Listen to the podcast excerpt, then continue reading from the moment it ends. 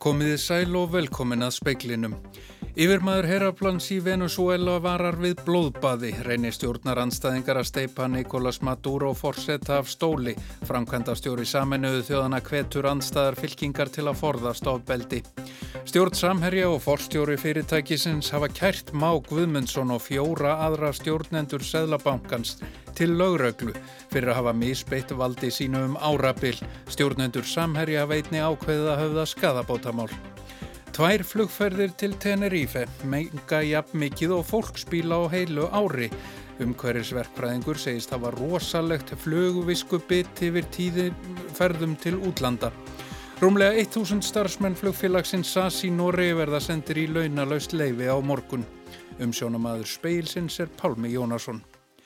Yfirmaður hersins í Venezuela varar stjórnar anstaðinga við blóðbaði, reynið þeirra steipa Nicolás Maduro forseta og stjórn hans af stóli.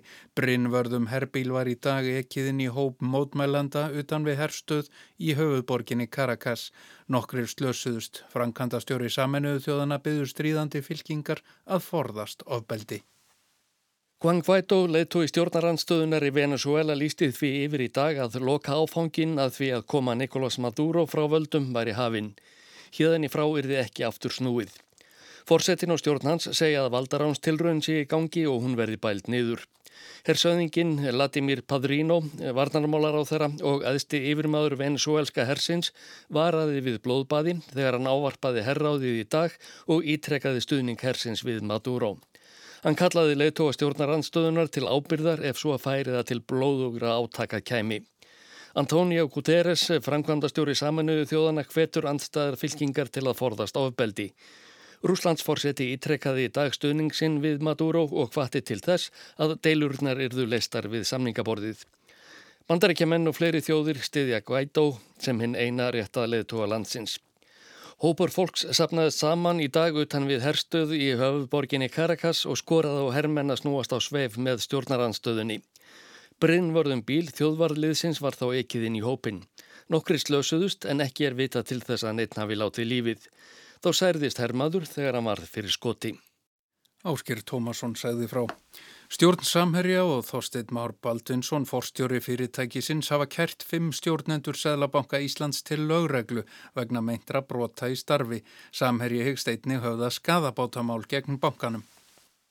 Þetta tilkynir Þorstein Mára á vef Samherja og byrtir hluta kærunar. Hún beinist gegn Má Guðmundsinni Sæðlabankastjóra, Arnóri Sigfatsinni fyrirverandi aðstóðar Sæðlabankastjóra, Ingi Börgu Guðbjörnsdóttur fyrirverandi framkvæmdastjóra Gjaldiris eftirlits, Rannvegu Júniusdóttur framkvæmdastjóra Gjaldiris eftirlits og Sigriði Logadóttur aðal lögfræðingi Sæðlabanka Íslands. Stjórnendur Samherja telja að stjórnendur bankans hefði tekið fjölmarkar ákvarðanir um aðgerðir gegn Samherja í vondri trú og gegn betri vitund og slík hátt sem er varði við lög. Er þeim gefið að söka hafa misbytt opimböru valdi um árabil og meint brot varði við fjölmörg ákvæði almennra hegningalega. Í tilkynningu Þorsteins Más kemur fram að Sæðlabankin hafi formlega hafnað beðinni fyrirtækisins um sáttafund til að ljúka samherjamálinu. Það snýst fyrst og fremst um margra ára rannsókn á meintum brotum fyrirtækisins á lögum um gjaldirismál og ólögmæta stjórnvaldsekt sem bankin lagði á fyrirtækið. Samherjaminn hafi færið fram á afsökunarbeðinni og bætur upp í útlæðan kostnað en lögmaður bankans hafi hafnað því með brefi 15. apríl síðastliðin. Samherji eigi því ekki annara kosta völ en að höfða skadabótamál gegn bankanum. Jón Þór Kristjánsson segði frá. Sigurður Torlasius um hverjusverkfræðingur hjá Eblu verkfræðistofu segir að Íslendingar verði að horfast í augu við það að þeir þurfi að draga úr kólefnislosun frá flugi. Sigurður þjáist sjálfur af flugvisku biti eftir að hafa farið margar ferðir til útlanda á síðast ári. Losun vegna flugsins var þrjú tonn af koldvísiringi sem er helmingi meira en meðal fólksbíl losar á einu ári. Ég hérna fekk sem sagt alveg rosalega mikið flugiskupið á síðast ári en þess að ég flög ansi mikið og var búin að vera svolítið afnettun með þetta að, að hérna flugið er, það er tölvögu losun í, í flug, fólkin í flugi og þetta voru eitthvað 5-6 flug sko. Ég reknaði þetta út og þetta sem sagt voru þrjú tonn að koldusning sem að er tölvöverst, það er, það er sem sagt 50% meira heldur en meðal fólksbíl losar ári þannig að hérna jáfnveil þó ég hef kert mér afbíl á síðast ári þá, þá döðu það nú ekki til að, hérna, slá á þessa lósun þannig að ég ætla að taka mig á þessu ári og reyna, reyna að fljúa nú ekki meirinn einu sinni kannski Þetta var Sigurður Torlasíus, nánari rætt við hann síðar í speklinum.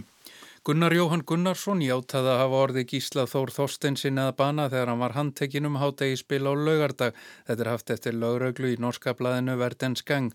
Gunnar Jóhann var úrskurðaður í fjögur að veikna gesluvarðald og unir þeirri niðurstöðu. Ágúst Ólaur Ágústsson, þingmaður samfylkingarinnar, hefur ákveðað að snúa aftur til þingstarfa og tekur á nýsæti á alþingi á fymtudag. Ágúst Ólafur hefur verið í leifi frá þingstörfum frá því í desember eftir að trúnaðanemnd flokksins ámyndi hann fyrir að áreita konu kynferðislega að tvekið átti sér stað í miðborgar Reykjavíkur síðastliðu sumar. Ágúst Ólafur segir í fæslu á Facebook í dag að það sé ekkert lindamála hann hafi þurft að endur skoða lífsitt og svo aðstóð sem hann hafi fengið hjá S.A.A. og fleiri stuðningshópum hafi reynst honum ómetanleg. Ég veit að það er ekki sjálfgefið að ég komi aftur inn á þing. Eh, ég veit að ég þarf að ávinna með tröst á nýjan leik. Eh, ég brenn hins vegar enþá fyrir góðum álefnum í samfélaginu. Eh, en hins vegar þá, þá er ég raun að byggja fólkum að íhuga að veita mér annað tækifæri. Er einhugurinn á samfélkingarinnar flokksins og þingflokksins sem endur komið þína til þings? Já, ég tel svo verið að vona það. Þetta er ég að byggja fólkum að eins og segja, veita mér annað tækifæri og, og sína mér stuðning og skilning ef fólk treyst þessi í það. Ég teka þetta mjög alvarlega, ég teka þetta mjög inn á mig, ég veit að mér varð á og, og, og þetta er alvarlegt en, en ég vona að fólk sé tilbúið að gefa mér annað tækifar og sína í verki að ég kem tilbaka e, bættur maður. Saði Ágúst Ólaur í viðtala við Jóhannu Veitísi Hjaltadóttur. Rúmlega 1000 starfsmenn flugfélagsins SAS í Noregi verða sendir í launalaust leifi á morgun. Um það byl 930 eru flugfræður og flugþjónar og 70 eru starfsmenn á jörður niðri að því að norskir fjölmilar hafa eftir bladafulltrúa félagsins. Rúmlega 1400 flugmenn SAS hafa verið í verkvalli frá því á föstudag. Það veldur því að fyrirtæki tapar um eða yfir einum miljardi íslenska króna á sólaring. Hérastómur Vestfjörða hefur ógilt samning Ísafjörðabæjar og AB fastegna um rannsóknar og virkjunarleifi í Úlsá í Skutulsferði og viðukennir að allur réttur til að virkja vatsapli áni sé eign Orkubús Vestfjörða.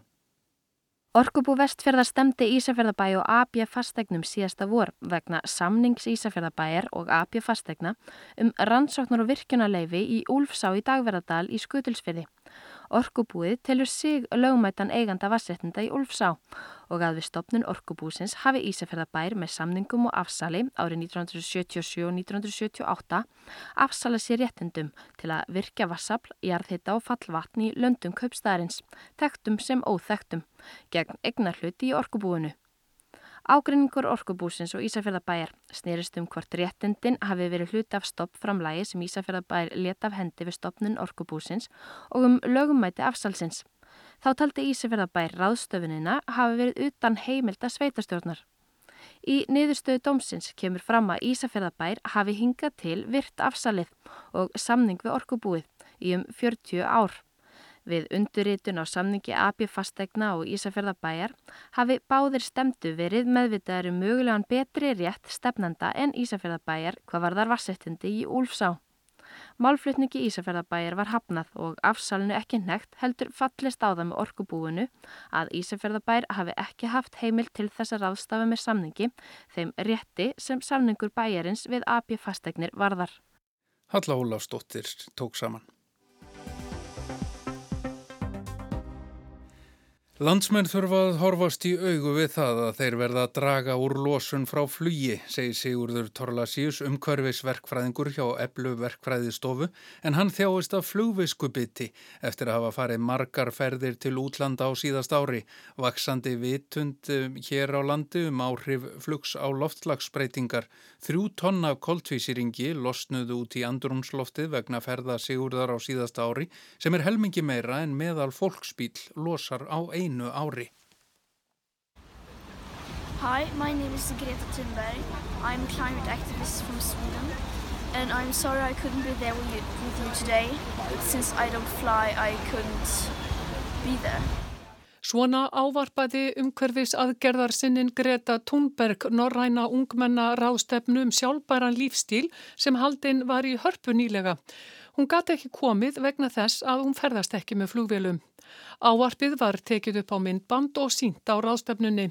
Þar satt ungt fólk sem hafði komið með flugvél til Íslands og þar voru líka ungir íslenskir umhverfisinnar sem fara oft til útlanda með flugvél, bæði sér til ánæju og einnig vegna vinnusinnar. Einn af þeim er Sigurður Torlasíus, umhverfisverkfræðingur hjá Eplu og stjórnarmæður í samtökum ungra umhverfisinna.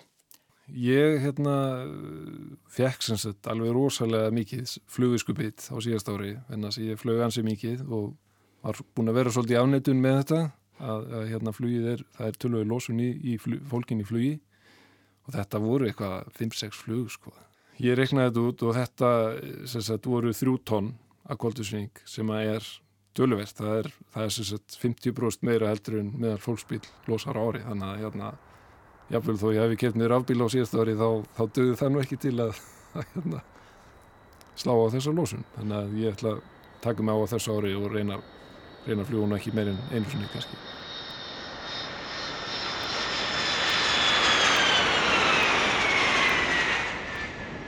Lósun koldvísýrings frá flugi er ekki eins og lósun á jörðunniðri. Hvernig að þú sleppir koldvísýringi svona hátt upp í lofthjúpnum þá hefur henni runni ennþá meiri natturannar hlínun heldur en uh, við yfirbúrjarðar talið um frá tvö til fjórfalt meira. Uh, og þannig að venjulega reikna menn með að það sé tvöfalt meira og ef þú tekur sér tillitið þessa að þá er unni uh, ef þú flýgur tvísar til Teneríf og tilbaka ári að þá er það cirka jafn mikið og, og meðal fólksbíl losar á einu ári. Þannig að þú ser það að það er, þetta er fljótt að, að yfirgnáða bílinn ef maður flýgur mikið Flugviskubit er ekki farðar hjá landan neitt að ráði ef markamá niðurstöður nýrar konnunar ferðamálastofu Íslands. Þáttakendur voru Íslendingar 18 ára og eldri valdir handahófskentur hópi álitskjafa MMR. 1024 tóku þátt í konnuninni. Niðurstöðunar sína að 83% aðspurðra höfðu farið til útlanda árið 2018 og að jafnaði fóru þeir í 2,8 ferðir á árinu. Flest Flestir fóri í borgarferðir í fyrra eða tæp 54%. Nokkru færri, tæp 44%, fóri í sólarlandaferðir, tæp 35% heimsóttu vini og ættingja og tæp 22% fóri í vinnutengta ferð. Sigurður reyndi að slá á flugveiskubitið með því að kólefnisjafna þessar 5-6 flugferðir.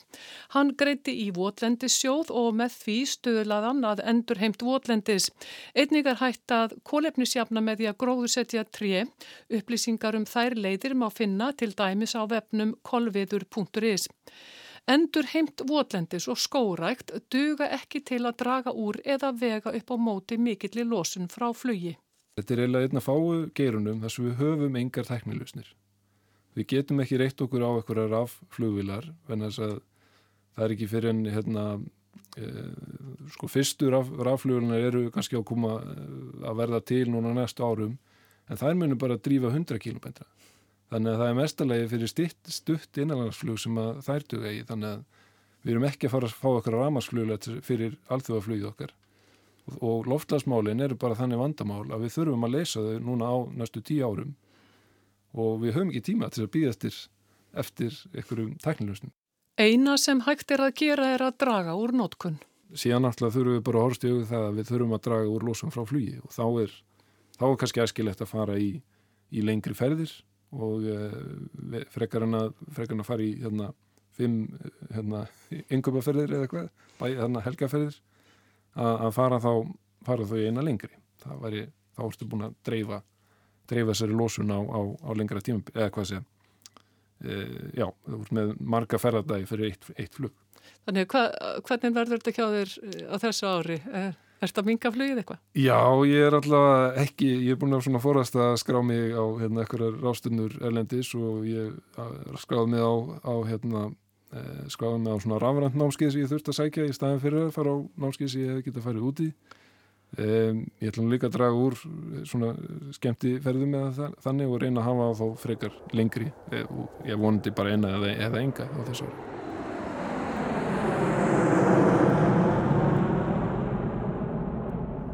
Það vakti nokkra aðtikli að hætt var við ársáttíðarferð vinnumálastofnunar vegna gjaldþróts flugfélagsins VÁ. Það voru vonbreyði fyrir starfsfólkið en kannski ekki fyrir umhverfið.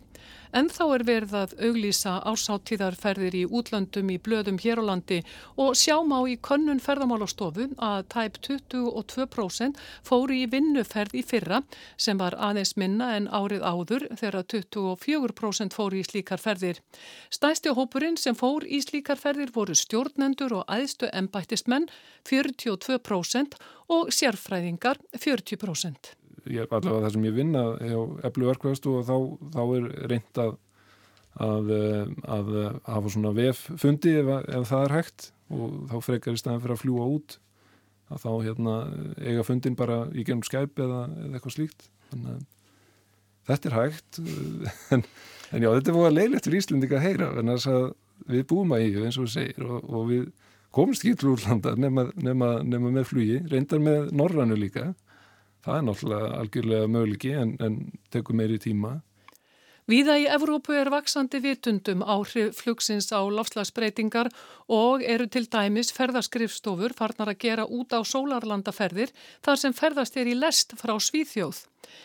Hver Íslandingur losaði 14 tonn af koltvísýringi árið 2017 en ef flugið væri tekið með í rekningin er losunin 17,5 tonn á hvern Íslanding menn munur sjá eftir því að vera að fljúa mjög mikið og, og það er rauninni rosalega skrítið að við séum að, að, að rosa okkur fyrir að, að fara rosalega mikið klúðlanda þegar það er að losa mikið af koldvísýringi. Þannig að við, þetta er eitthvað sem við þurfum að draga úr. Getur verið að af því að þetta telur ekki inn í þetta hefbundna lofslagsbókald að það sé að, að fólk hafi bara svona þægilega að tekja þetta út fyrir svegan? Já, einmitt, það, það er gott að nefni það. Það er, það er nefnilega málið að, að hérna, kólunisbókald Íslands að, að þetta er rauninni haft til hlýðar þannig í bókaldinu. Við erum ekki með, eða hvað það er, ríkistjónu okkar er ekki búin að skuldbunda sig til þess að draga úr losum frá hérna, alþjóðaflugi og, rauninni engin ríki, það, það er frekar, það er, hvað segja, hérna, alþjóðlega flugmálastofnun sem á að sjáum að, að, að hérna, að þessi dreyju lósun í þessum geira. En markmiðin sem hún hefur sett sér eru bara mjög veik. Eh, þeir ætla ekki að draga lósunum eða þeir ætla að draga lósunum 50% fyrir 2050 og það er bara við höfum, við höfum ekki, ekki nærið svo mikið tíma þegar maður leist að vera 2030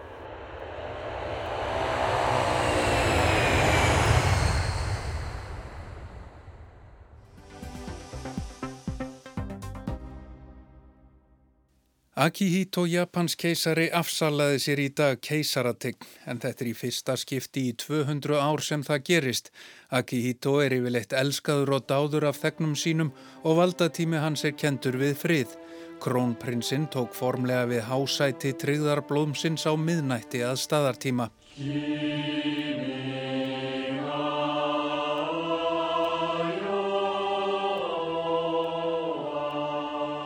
Þjóðsöngur Japans heitir Kimigai og sem yfirleitt er þýtt sem valdatíð keisarans.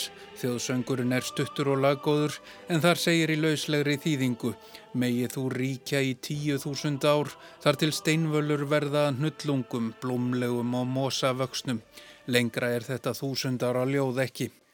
Mikil tímamót voru í keisaradæminu í dag. Keisarin Akihito afsalaði sér formlega keisarategn við hátíðlega aðtöfn og ávarpaði þjóð sína í hinsta sinn.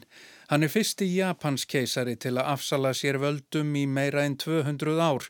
Keisarin er 85 árað aldri og fekk formlegt leifi til að afsala sér völdum þar sem hann taldi sig ekki geta sint ennbætti skildum með fullnægandi hætti, sökum aldurs og versnandi heilsu. Japans keisari hefur engin formleg völd en er tákgræð leðtói og saminningartákn þjóðarinnar. Konnichi o mochi.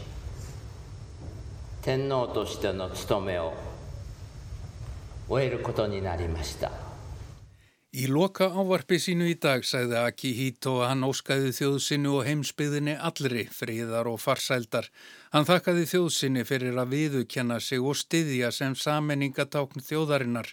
Þau hjónin óski þess frá dýfstu hjartarótum að nýjum keisara fylgi farsæld og friður og sjálfur ætli hann að byggja fyrir velferð og hamingju þjóðsinu til handa og heimsbyðinni allri. Valdaskiptin fara fram í gullnu vikunni svo kölluðu sem er árlegt vorfrí í Japan sem hefur verið lengt í tíu daga vegna keisaraskiptana. Þjóðin er því hátíðaskapi nú, ólíkt því þegar Akihito tók við að föður sínum fyrir 30 árum. Þá ríkti þjóðar sorg vegna fráfalls keisarans. Nú er vor í lofti og sól í sinni, fólk að ferðast og mikið um hátíðarhöld. Landsmenn fylgjast og flestir með útsendingum í tengslum við keisaraskiptin.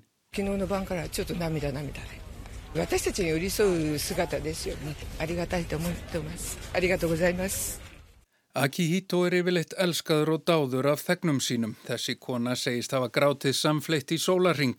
Keisarin hafi verið þjóðsynni afar góður og það bera að þakka. Þessi ungi maður tekur undir með henni. Þjóðin standi í mikillið þakkaskuld við hinn aldna keisara. 感謝の気持ちありがとうございますという気持ちがもう本当に大きいですね。 Japanska keisaradæmið er elsta arfgenga konungdæmi veraldar sem sangkvæmt þjóðsögum á reykja allt aftur til um 600 fyrir kristburð. Liti var á keisaran sem guð allt til loka síðar í heimstyrjaldarinnar. Fadir Akihito og fyrirverandi keisari Hirohito afsalaði sér guðdómleikanum í lokstyrjaldarinnar samhliða uppgjöf Japana. Þegar Hirohito lést 7. janúar árið 1989 tók Akihito við hásæti Tryggðar Blómsins, hinn 125. í þessu elsta ættarveldi veraldar. Mikill uppgangur var í Japan við keisaraskiptin og meiri velmögun en áður hafði þekst. Sony var við það að kaupa Columbia Pictures og Mitsubishi að kaupa Rockefeller Center í New York. Japan var hið rýsandi stórveldi heimsbyðarinnar. Innan við ári eftir að Akihito tók við sprakk bladran og hlutabriðamarkaðurinn rundi um meira en þriðjung en þann dag í dag, 30 árum síðar, er hlutabriðaverð og fastegna verð lægra en það var árið 1990. Heisei tíminn eins og valdaskeið Akihito er nefnt og merkir fríðartími er því tímabil stöðnunar á efnahagsviðinu. Margir tengja keisaratíma hans við hörmungar. Í janúar árið 1995 lagði jarskjálti borgina Kópe í rúst, byggingar og samgöngum mannvirki hrundu, eldar loguðu dögum saman og heiminin var svartur. Um 6.000 letu lífið. Árið 2011 varð enn öflugri jarskjálti á norðausturströndinni, sá mæltist nýju að styrkleika og er svo fjórði sterkasti sem mælst hefur í heiminum.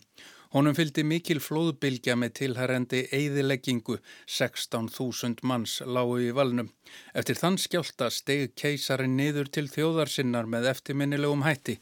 Hann byrjaði á því að ávarpa þjóðina í sjónvarpi og tveimur vikum síðar fóru keisarahjónin í búðir fyrir fórnalömm flóðbylgjunar. Keisarahjónin lögðust á kníu með allslausum fórnalömbunum og síndu innilega samúð. Engin Japans keisari hafði gert nokkuð þessu líkt. Margir hérna íhaldsömu voru í áfalli en hluttekning keisarahjónana og einlags samúð snart þjóðina djúft. Í jíðæði dista ne, svo ég ba. Hondo. Valdatími Akihito var góður tími, reglulega góður tími, segir þessi eldri kona. Hassai valdatími Akihito var vissulega tími náttúruhamfara, segir önnur, en jafnfram tímabil gesku og vinsemdar. Akihito keisari var góður maður og ég vonað svo verði einnig í tíð artakans. Heisi var sæðið ókatta keridomo, og, nandarú na, jassasí jídæði datta. それはやっぱ天皇陛下の印象もあると思うんですけどその部分は続いてほしいと思います Hirohito fadur hans var ekki bara keisari, hann var líka guð þjóðarinnar þegar Japan var í trilltri útþenslu á 15 ára skeiði á fjórða og 15 áratögnum. Akihito var 12 ára þegar styrjöldunni lauk með kjarnorku sprengingum í Hiroshima og Nagasaki. Akihito er innlagur friðarsinni og hefur sjálfur sagt að stoltastur sé hann af þeirri staðrind að ekki einn einasti japanski hermaður hefur fallið í hernaðaðæ í valdatíð hans. Akihito hefur lagt sér í líma við að græða sár frá útþenslu skeiði föður síns og ferðast til þeirra landa sem helst urðu fyrir barðinu á yfirgangi Japana. Hann naut stuðnings stjórnvalda í fyrstu við að gangast við miskjörðum forfeðrana en á síðari árum hafa afsakanir og fríðarstefna farið úr tísku. Nú vilja stjórnvöld breyta stjórnarskráni, lögðir áhersla á þjóðrækni og ráðamenn vilja afmá það sem þeir kalla sögulegan masokisma eftir stríðsárana. Á 70 ára stríðsloka afmælinu árið 2015 heldu forsætisráþarann og keisarin báði ræðu. Forsætisráþarann sagði að fríður og velseld samtímans væri þeim þremur miljónum Japana sem fjallu í stríðinu að þakka. Keisarinn sagði hins vegar haksældina tilkomna vegna mikill að fórna og vinnusemi eftir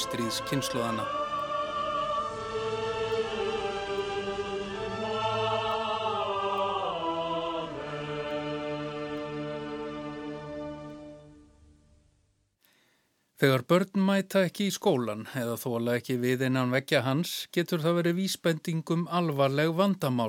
Á fljótsdals hér að þið ætlar félagsstjónustana ráðast í áttak til að hjálpa börnum sem glíma við svo kallaða skólaforðun. Sé ekkert að gert eða seintgripið inn í geta börnin beðið skada af. Þau verða oft mjög undir í lífinu. Þeim farnast verð en samanbörðar hópum. Það eru tengsla millir þess að, að vera einangruð og búa við félagskvíða og félagsfælni. Þau heldast oft úr skóla setna á lífsleiðinni og glíma þar að leiðandi oft við fátækt vegna þess að þau hafa ekki aflað sér mentunar og það sem verra er að þau jafnveil heldast svo illa á lestinni að þau lenda á örorkubótum og, og festa start í framtíðar. Og þau eiga oft við tilfélingalegan vanda að stríða sem að gera það verkum að þau eiga í vandasömu samskiptum við aðra og maka í framtíðinni og eru oft verri stakk búin til þess að veita sínum eigin börnum góð og, og örug uppeldi skilirði. Júlia Sæmundsdóttir er félagsmálastjóri á fljótstalsjeraði. Hún er sannferðu um mikinn ávinning þess að grípa snemma inn í skólaforðun barna. Skólaforðun er að skrópa, hegða sér á ákveðin hátt þegar mæta á í skólan eða að eiga í erfileikum með að vera í skólanum. Ekki hafa verið gerða rannsóknir á hver algeng skólaforðun er hér á landi. Sko þegar hún er langvarandi að þá leynir hún sér ekkert. Í byrjun getur barni farið að sína á hvernig enginni kvíða og svo sem eins og að vilja fá að ringja heima með um skóladegi eða vilja fá að fara til skólahjókurnafræðings án þess að það sé eitthvað sínilegt að því líkamlega. Með úlinga getur oft verið erfitt að koma þeim á fætur á mótnana og það kannski tengist löngum skjáttíma og, og þar að leiðandi erfileikum við að fara að sofa á kvöldin og stundum er vandin kannski uh, vandi fóreldra. Fóreldrar eins og annað fólk geta áttu erfileika að stríða og áttu erfitt með reglu og rútínu á eigin lífi og þar að leiðandi ekki alveg börnin sínu upp í rútínu og reglu. Félagsþjónusta fljóttalsérað þjónar sex sveitarfélögum á Östurlandi og sjö starfandi grunnskólum. Nú stendur til að beita verkfærum svo kallaðs Östurlands líkans gegn skólaforðun. Þetta er vinnulag sem er að reyðja sér til rúms og fælst í stuttumáli í því að barnavernd og sérfræði teimi á hennar vegum kemur til aðstóðar áður en formlegt barnaverndarmál hefur verið tilkynnt. Þannig má koma mun fyrir til hjálpar. Oft þegar að maður kemur að málefnum bar sem er komið jafnvel á snemgelgju eða unglingsár og, og er með langvarandi skólaforðun að þá hefur vandin verið til staðar í langan tíma. Hann hefur bara smám saman þróast og orðið það alvarlegur. Þannig að það hefði verið hægt að grýpa fyrir inn í? Algjörlega og við þurfum að hugsa um það líka hvað það er þjóðfélagslega sparandi að koma í veg fyrir að einstaklingar séu svo skattaðir eftir sína batnæsku að þeir jafnvel henda á örorku til lífstíðar. Sagði Júlia Sæmundsdóttir Rúnarsnær Reynisson talaði við hana. En í speiklinum var þetta helst. Yfirmaður Heraplans í Venezuela varar við blóðbaði, reynir stjórnarandstæðingar að steipa Nicolás Maduro fórsetta af stóli. Framkvæmdastjóri saminuðu þjóðana kvetur andstæðar fylkingar til að forðast ofbeldi. Stjórn Samherja og forstjóri fyrirtækisins hafa kert Má Guðmundsson og fjóra aðra stjórnendur Seðlabankans til lögreglu fyrir að hafa misbeitt valdi sínu um árabil. Stjórnendur Samherja hafa einni ákveðið að hafa skadabótamál gegn bankanum. Tvær flugferðir til Tenerife menga jafn mikið og fólksbíl á heilu ári um hverfisverkfræðingur segist hafa rosalegt flugviskubit yfir tíðum ferðum til útlanda. Rúmlega 1000 starfsmenn flugfélagsins SAS í Noregi verða sendir í launalaust leifi á morgun og Gunnar Jóhann Gunnarsson játaði að hafa orði Gísla Þór Þorstensin eða bana þegar hann var handtekinn í norður Noregi á laugardag. En það er ekki fleira í speiklinum, tæknimaði var Mark Eldrett sæl.